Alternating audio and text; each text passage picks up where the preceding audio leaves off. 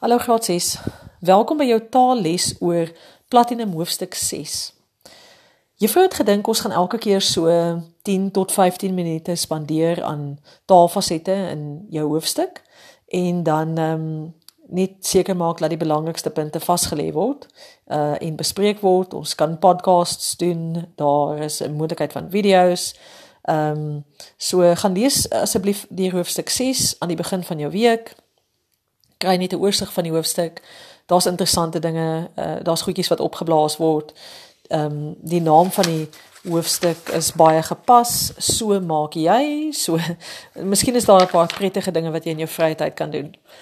Maar vandag wil ek twee dinge doen. Ehm um, ek wil kyk na 'n paar nuwe idiome in hierdie hoofstuk en ons gaan gesels oor deelwoorde. So op bladsy 62 is daar nuwe uitdrukkings of idiome en ek wil hê jy moet gaan kyk wat hulle beteken. Daar's so 4 of 5 van hulle. Die eerste een is 'n verstrooide professor. Wat beteken dit as jy vir iemand sê jy's 'n verstrooide professor? Dan is daar een wat sê jy moet jou batterye herlaai. 'n Mens het mos dan die batterye nie, né? Nee, so gaan kyk 'n bietjie wat wat beteken daai een. Hy's vuur en vlam. Laat jou dink aan iets wat gaan opblaas. Gaan kyk wat beteken daardie uitdrukking. Sy's 'n regte Einstein. Ek dink daardie een is maklik om te raai. Maar gaan kyk asseblief op bladsy 62. Iets tref jou soos 'n weerligstraal. Sjoe, dit klink baie gevaarlik. Ehm um, sit hulle gerus by jou lys en dan het jy nog 'n paar ehm um, idiome of uitdrukkings om jou taal mee uit te brei as jy weer ehm um, gesels of ietsie moet skryf. Goed, dit was net vir interessantheidshalwe. Ehm um, en net 'n byvoeging tot die idiome en die uitdrukkings wat jy reeds geleer het.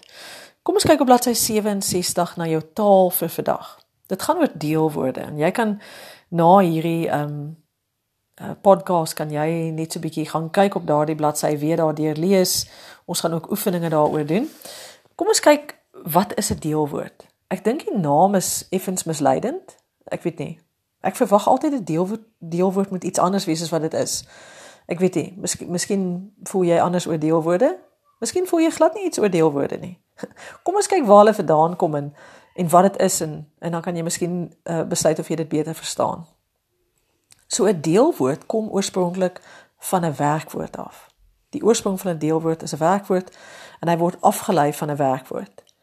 En wanneer daai afleiding plaasvind, dan word daardie woord, daardie nuwe woord, die deelwoord, word dan 'n byvoeglike naamwoord. Kan jy dit glo? Hoe kan 'n mens van 'n 'n werkwoord af iets kry wat 'n byvoeglike naamwoord word. Dis nogal baie interessant. So, ehm um, ons gaan verduidelik in hierdie lesie, jy weet, hoe dit gebeur, hoe dit lyk. Daar's twee verskillende deelwoorde. Daar's 'n teenwoordige deelwoord en dan is daar 'n verlede deelwoord. En die verlede deelwoord deelwoord word ook in twee afdelings ingedeel. So, dis nie regtig so moeilik as wat dit klink nie. Kom ons breek dit vir jou op in maklike dele. So ons weet as ek 'n uh, 'n um, 'n werkwoord het, sê maar so swaai. Goed. Uh, ek swaai aan die tou. En nou wil ek iets sê oor daai tou. So wat was swaai? Swaai was jou werkwoord. En ons het gesê hierdie werkwoord wil ek nou in 'n byvoeglike naamwoord verander. En dan is dit wel hy word gebruik as 'n byvoeglike naamwoord, maar dit is 'n deelwoord nogal interessant. So kom ons kyk hoe kan ons die woord swaai vat? Ek swaai aan die tou en ons verander dit dan in 'n woord, 'n deelwoord wat gebruik word as 'n byvoeglike naamwoord. Die swaaiende tou hang aan die boom byvoorbeeld. Ek sien 'n swaaiende tou in die boom. Want ek het mos nou daaraan geswaai en nou beweeg die ding nog steeds in die in die tou is swaaiend en dit word dan 'n deelwoord. Maar luister gou, die woorde klink verskillend.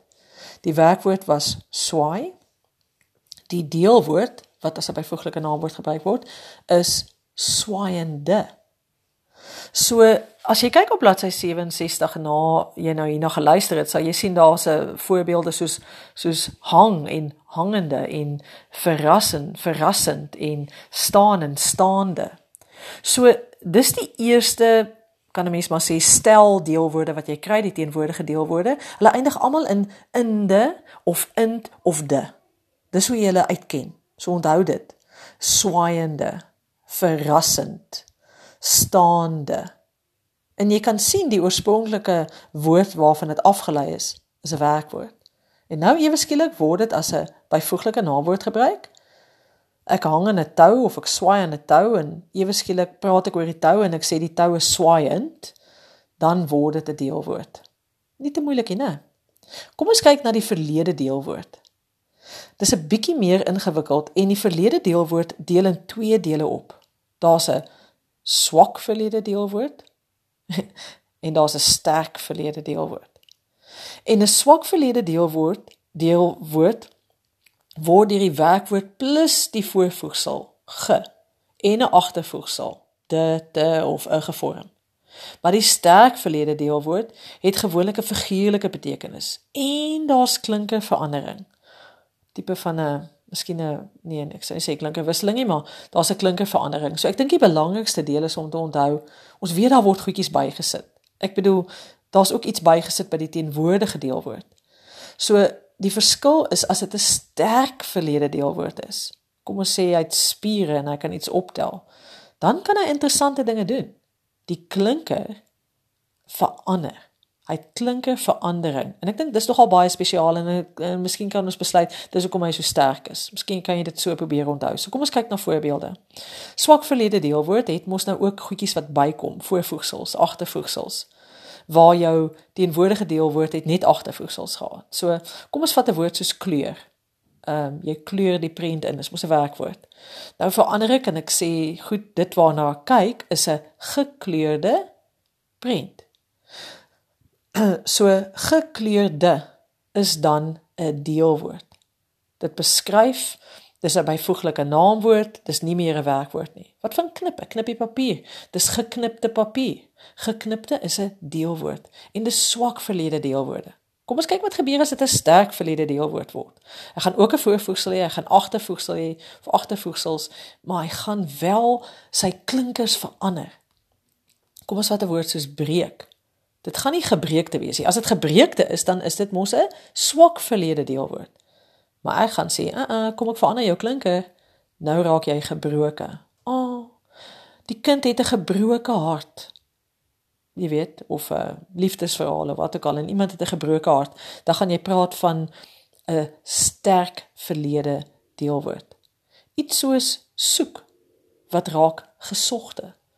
As jy iets soek, as as almal dit wil hê, dan sit mos gesogte. Dis 'n gesogte prys of dis 'n gesogte ehm um, uh, oord. Almal wil wil gaan vakansie hou daar. Wat van die woord reis? Hoe kan daardie klinker verander? Dis nogal 'n baie interessante woord en mense hoor dit baie nie. As iemand baie reis en hulle het al die hele wêreld gesien, dan sê mense hulle is bereuse. Dis ook op bladsy 67. Is regtig 'n bietjie van 'n moeilike woord. Ek ek dink nie jy bekommerd te wees daaroor nie. Dis net 'n goeie voorbeeld.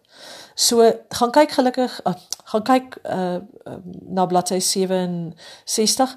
Kom ek som net gou kortliks weer op. Deelwoorde is 'n woord wat as 'n byvoeglike naamwoord gebruik word.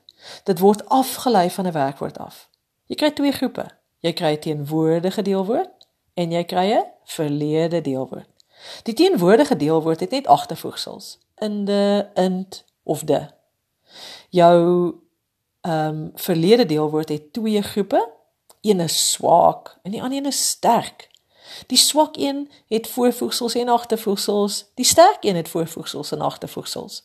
Maar die sterk verlede deelwoord se klinkers verander ehm um, iets soos uh, as almal daarna soek, soek was jou oorspronklike werkwoord. Nou wil ek sê almal soek na hierdie spesifieke ding. Dis 'n gesogte ding.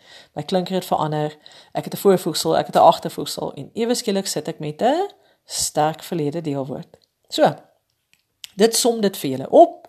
Ehm um, ek het 'n gediggie wat ek met julle wil deel sommer net om op 'n hoë noot af te sluit. Jy is besig om aan jou gedig te werk. Ehm um, en jou gedig handel oor musiek of die tema is musiek en ek wil hê jy moet 'n bietjie gaan dink oor metaforiese aspek van musiek of die figuurlike aspek van musiek. So nie nie net die letterlike nie. So nie net musiekinstrumente nie. Ook nie net musiek in musiekinstrumente nie. Jy kan gaan dink aan musiek as um iets wat jy hoor as jy in die natuur is, iets wat jy um van hou om te hoor. Ek wil jy jy moet gaan dink aan 'n idioom oor musiek. Jy gaan op die ou end 'n idiom in jou gedig probeer gebruik of 'n uitdrukking oor musiek. So gaan doen 'n bietjie jou huiswerk daaroor. Juffrou is mos dan nie uh ehm um, ek mag jou mos dan nie help nie. Dis deel van die reëls van die FHK vir hierdie kompetisie wat ons gaan doen. Ek hoop jy en mamma of pappa het al op die webtuiste gegaan, gaan lees 'n bietjie ehm um, wat hulle sê oor hierdie gedig. Julle het verlede week die beplanning begin doen.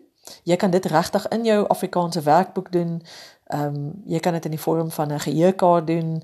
Skryf jou idees neer, krap 'n bietjie, verander dinge, teken prentjies, gaan maal en dink oor musiek. Dink nog daaroor vandag. Vat dit 'n stap verder. Jou gedig gaan gemiddeld 16 reëls hê, maar ek dink miskien gaan dit 'n bietjie langer wees. Uh gaan definitief minder wees as 16 reëls nie vier strofes.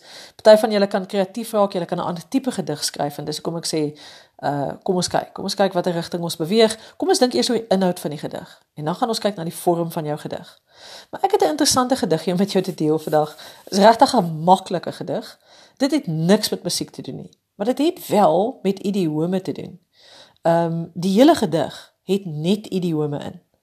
En elke idioom beteken presies dieselfde ding. Dit beteken jy is in die moeilikheid. Wie het nou ooit geraai daar's soveel verskillende idiome vir jy is in die moeilikheid. So ehm um, ek lees dit graag vir julle. Dis 'n junior gedig, so is regtig uh, miskien 'n bietjie maklik vir julle, maar ek dink is nog steeds gepas. Ons het oor idiome gesels. Jy is besig om aan jou gedig te werk. So hierdie gedig het net een strofe. Dis nie die tipe gedig waaraan ons werk nie, maar ehm um, dis net 'n kreatiewe manier om idiome te gebruik en ek het gedink ek wil dit met julle deel. Dis deur Jaco Jacobs en die naam van die gedig is Magneet vir moeilikheid. Ek is altyd in die pekel. Ek is altyd in die sop. Ek is altyd in Tomatiestraat. Ag, wanneer hou dit op? Ek's gedurig in die warm water. Altyd op die rooi tapijt. Ek bly nou maar eenmaal 'n magneet vir moeilikheid.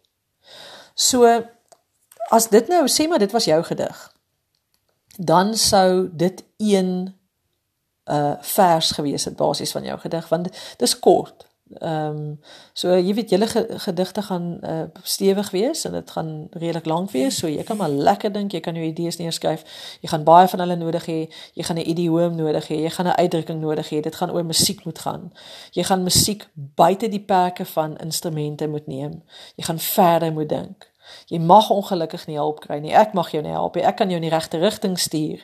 Gaan lees asseblief wat sê dit op die FHK webtuiste. Ons gaan almal hierdie gedigte skryf en ons gaan inskryf vir hierdie kompetisie en jy is verskriklik opgewonde. So ehm um, het jy al agtergekom dat daar omtrent 5 6 idiome in hierdie gedig kom ek breek hulle vir julle op. Ehm um, die naam is magneet vir vir moeilikheid. So dit beteken jy's iemand wat jy weet vinnig moeilikheid kry.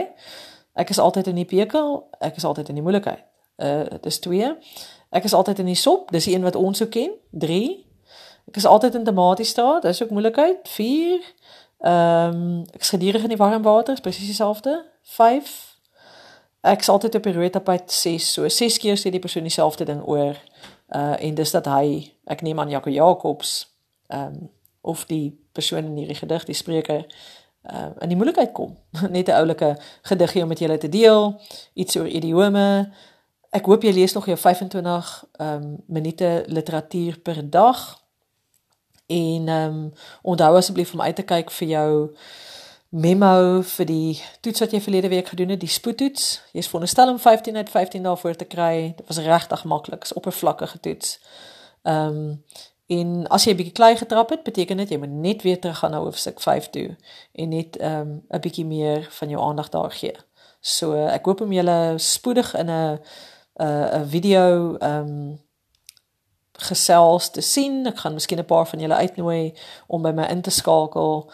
Ehm um, maar jy sal daardie kennis kry deur jou ouers en uh, dan kan ons lekker oor julle werk gesels. So geniet julle week. Ek gesels môre verder oor die taal. Dankie julle.